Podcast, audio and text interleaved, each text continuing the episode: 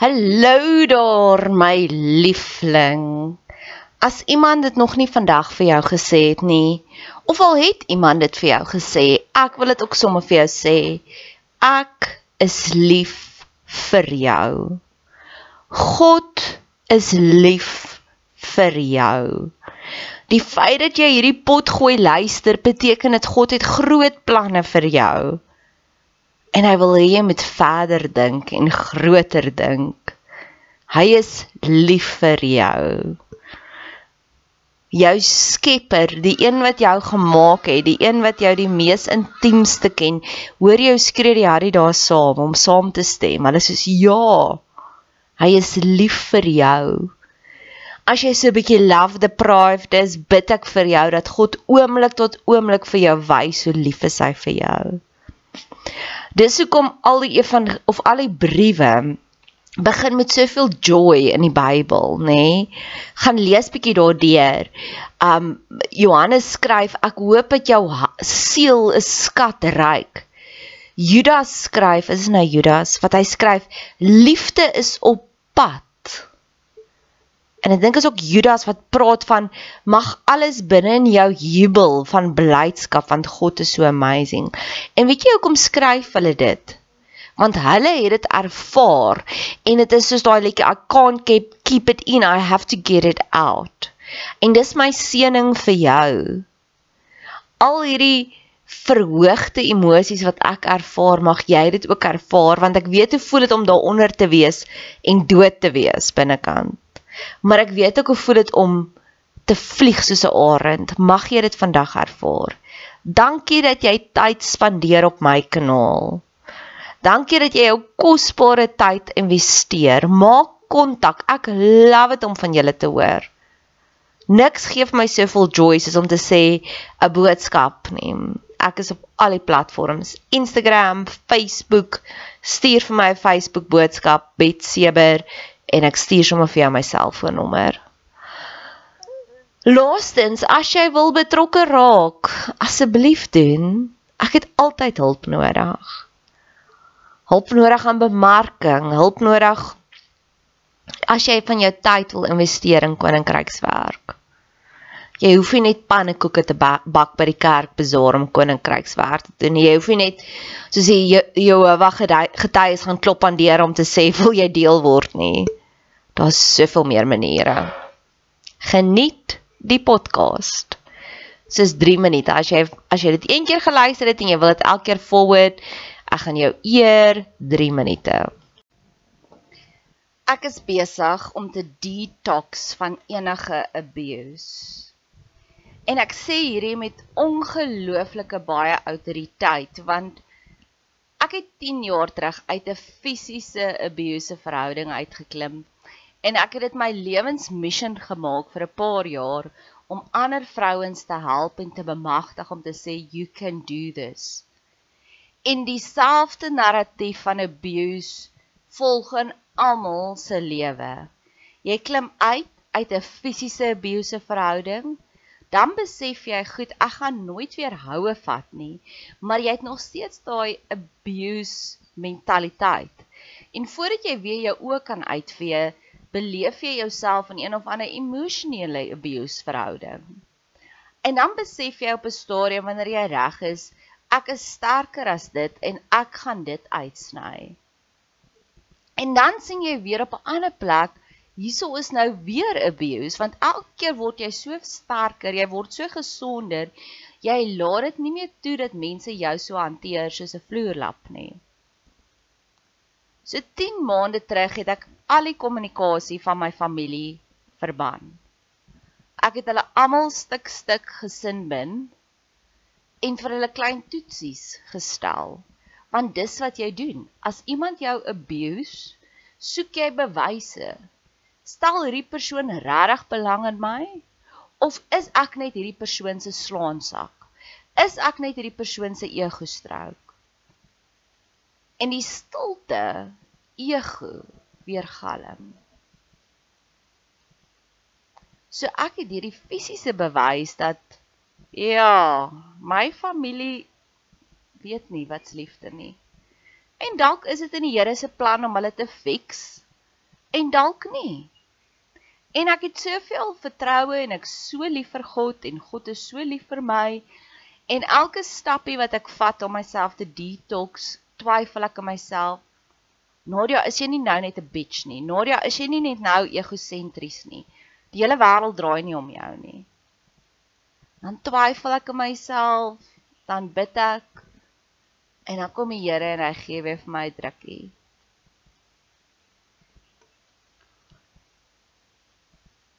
My vriend, my kathedraals vriend. Ons was so 5 jaar lank in 'n verhouding. En dit het 2 jaar terug geëindig. Want hy kies 'n Harlem vol vrouens. En ek het altyd geweet hy's 'n womanizer. Ek het dit geweet, maar ek is soos okay. Jy is nie moeite werd. Ek weet sekere dinge van jou. Maar hy het nog steeds ek het hierdie en dalk is dit ook ongesond. Dalk gaan die Here dit ook uit my stelsel met kry, maar ek het hierdie barometer en ek is ook nie dom nie. Ek weet as jy 40 jaar oud is en jy's nie getroud nie, jou match waaruit jy kan kies raak baie beperk. So jy kies nou maar net watse tipe van wangedrag gaan jy voor waarvoor sien jy kans en waarvoor sien jy nie kans nie. En ek het geweet goed, commitment issues, baie girls kan nie commit nie, lalala. Maar dit was die negatiewe, maar die positiewe was hy was altyd sag. Hy was altyd gentle. Hy was altyd diplomaties. Hy was altyd opbouend. Hy was altyd hy het my selfbeeld so geboost dat die koel was die sousie werd.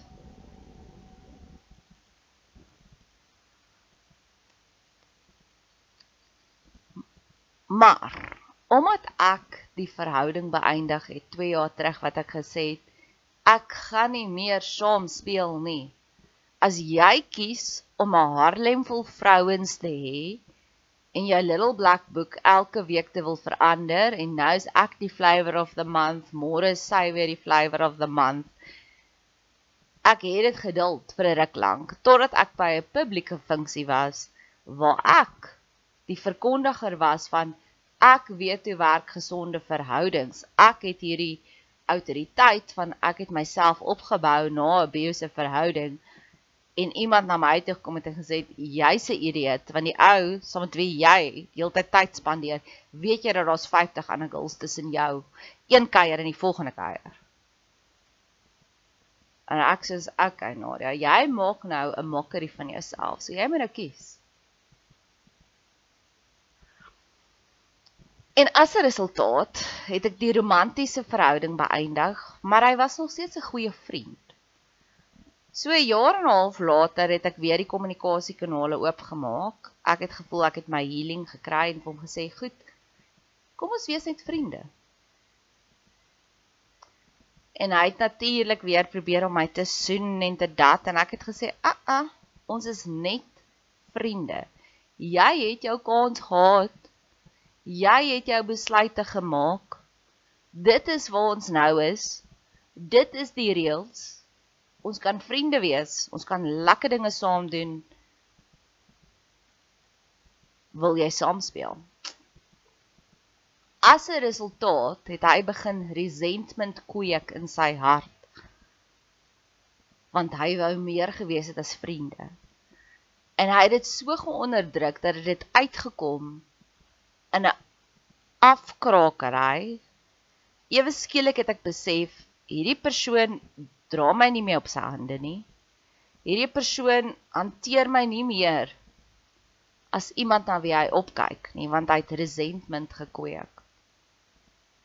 En dan begin die toetsies. Dan sê dit soos, okay, kom ons kyk hoe laag gaan hy daar.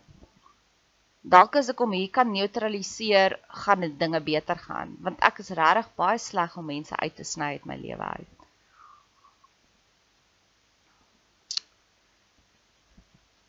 Hy het skoorsoekerig geraak met my en gestry oor alles. Soveel so dat ek op 'n stadium vir hom gesê het, weet jy wat, ek wil nie eers weer met jou praat nie want jy stry oor alles.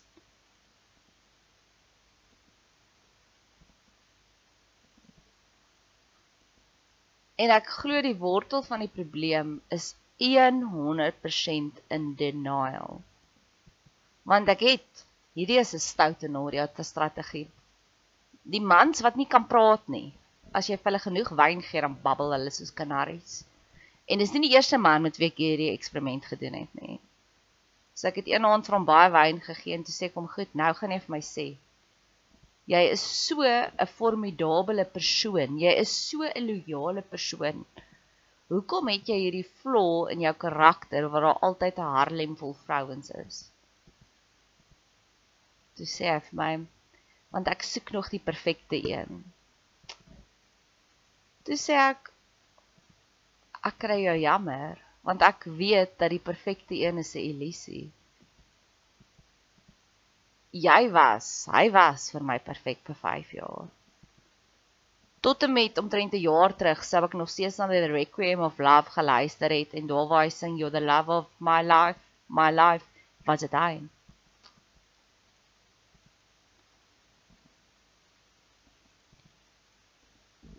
En hy hy het soveel leuns om hierdie konsep gespin om hierdie flaw te justify. Laat die leuns dat die energie wat dit vir hom vat om hierdie leuen te onderdruk maak dat hy afkrakerig is, maak dit hy letterlik toksies geword het voor my oë. In 'n week terug het hy vir my het ek iets vir hom gesê en ek het vir hom sê is verkeerd. Toe sê hy vir my shut up. Dis shut up. En hy het my vir 4 dae lank elke dag gebel en dis ek gesê jy het mos nou gesê ek moet shut up, so ek gaan jou net ignoreer. Dis dit is nou maar jy jy het gevra hier voor jy het hom nou.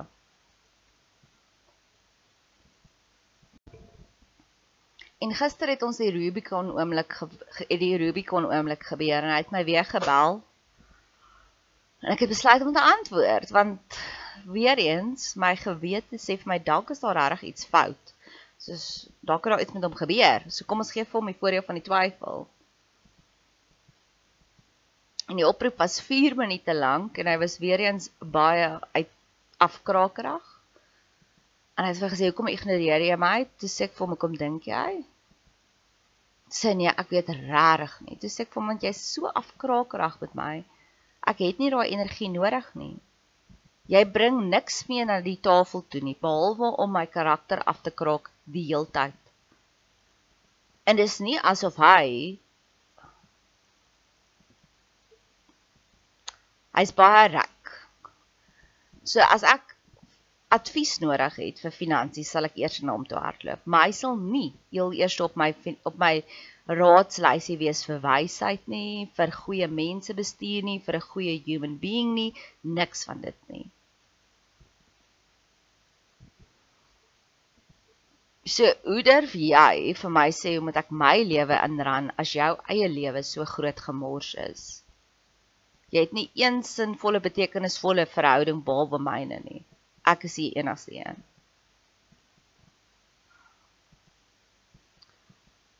en ehm um, hy het nou weer ingegaan op 'n rand sê ek hom toe begin ek toe lag ek vir hom van ja dat dit alles was altyd so lekker en hy kan nie nou verstaan nie en ek moenie so voel nie nou as daar 'n rooi vlaggie is dis gaslighting 101 hoe verwaand is jy as jy durf om my af te kraak En dan wil jy nog my voorskryf watse gevoelens moet ek voel? Ek meen, dink jy jy is God?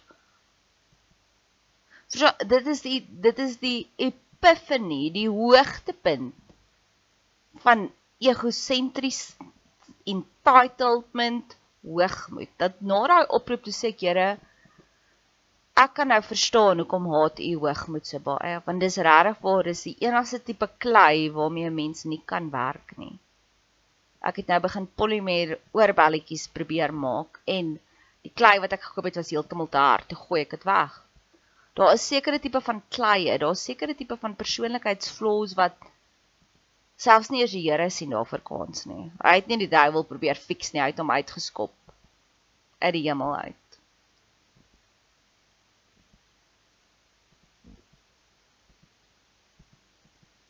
Toe begin hy met die ek noem dit sommer dis baie vieslik. So jy moet weet hoe seer is ek, hoe gatvol is ek as ek so vieslik begin raak. Toe sê hy, "O, dis vir hom so sleg dat ons nie meer praat nie." Toe sê ek vir hom regtig, "Jy onderskat my intelligensie as jy dink dat 'n Jannie jammergat mentaliteit uh manipulasie gaan enigsins 'n effek hê op my.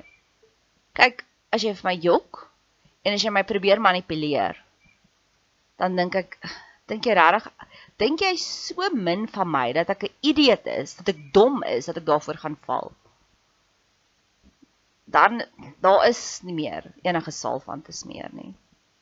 Want as dit is hoe jy na my kyk, dat ek manipuleerbaar is of voor gejok kan word, rarig. So toe het ek toe nou die rooi vlaggie en ek dink dit was die eerste keer ooit wat ek regtig afkrakend was met hom. Selfs deur die Haarlem vrouens gevalle. Ek was soos vertel my eerder, verduidelik vir my hoe kom jy by daai besluit uit? Ek keer dit nie goed nie, maar jou besluit is jou besluite, jy het jou bed opgemaak, jy moet daarop slaap. So jy het gekies om 'n Harlem val vrouens te hê. Jy het gekies om nie te kan commit nie. So dit is wat jy nou gaan kry. Vriendskap, niks meer nie.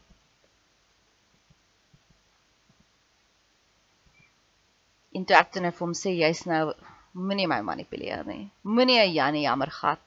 Toe begin hy toe op my te skree. Nou shut up. Skree op my. jy is so cute as jy dink ek gaan daarvoor val. En sy laaste woorde op die oproep was: "Waarheen is jy op pad?" Dis ek vir my gaan vir wys waarheen is ek op pad. En toe druk ek die foon dood. Want as jy op my gaan skree, ek laat dit nie toe nie. Verbal abuse om op iemand te skree Daar is geen goeie pad waar dit gaan eindig nie, want hy skree vandag op jou môre slaan hy jou. Dit is dit. Dit word net al hoe erger en jy jou liggaam is jou tempel en jy moet hom beskerm.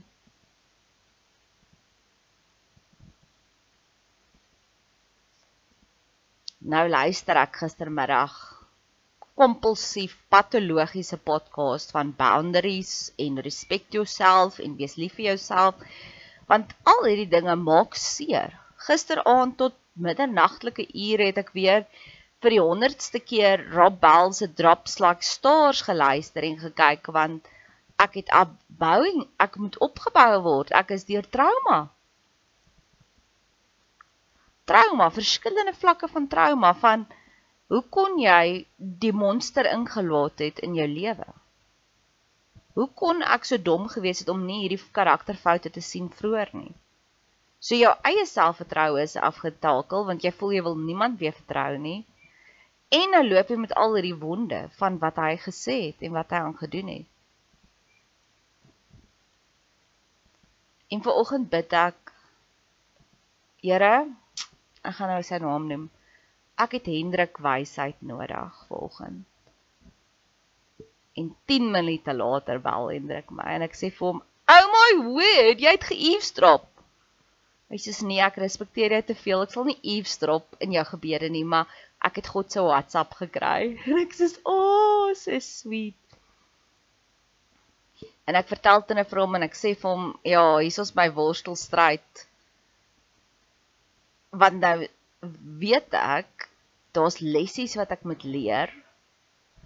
So is dit nou 'n geval van toughen the fuck up want ek het die een abuser uitgesny uit my lewe uit en nou kom die volgende een. Toe sê ek vir hom of is hierdie ek beskerm myself want nou nou dink ek aan daai reis oomblikke. Nie nie reis soos 'n rise nie, die reis soos 'n reis wat ons kan eet. Wat hulle daai eksperimente gedoen het van oor die een het hulle beledigings gepraat genoem en die ander een het hulle mooi woordjies oor gepraat. En as jy jouself die hele tyd gaan toelaat dat iemand jou gaan afkraak, afkraak, afkraak, gaan jy soos die vrot reis word en ek wil nie vrot reis wees nie. En toe gee my vriend Hendrik het 'n van die mooiste advies te sê, ja. Jy's reg. Sê vir hom, gaan werk in jouself en dan kan ons weer kyk. Dis ja, dis die mooiste manier. Dis die mooiste manier om daarna te kyk. Het ek 'n behoefte aan hom? Nee, glad nie meer nie. Aan die katedraalsvriend nou, Hendrik is awesome. Um maar daar kom 'n tyd, daar kom 'n tyd wat hierdie persoon was jou alles. En dan gebeur daar trauma en gaan jy resilience groei, gaan jy sterker groei of gaan jy toelaat dat dit jou siel besoedel? En as jy daai besluit maak van die makliker weg, die lafaard weg, ek jok vir myself en ek jok vir almal rondom my om te sê ek is daar's niks fout met my nie. Dan jy jou bedjie opgemaak en dan moet jy daarop slaap. Lekker slaapies.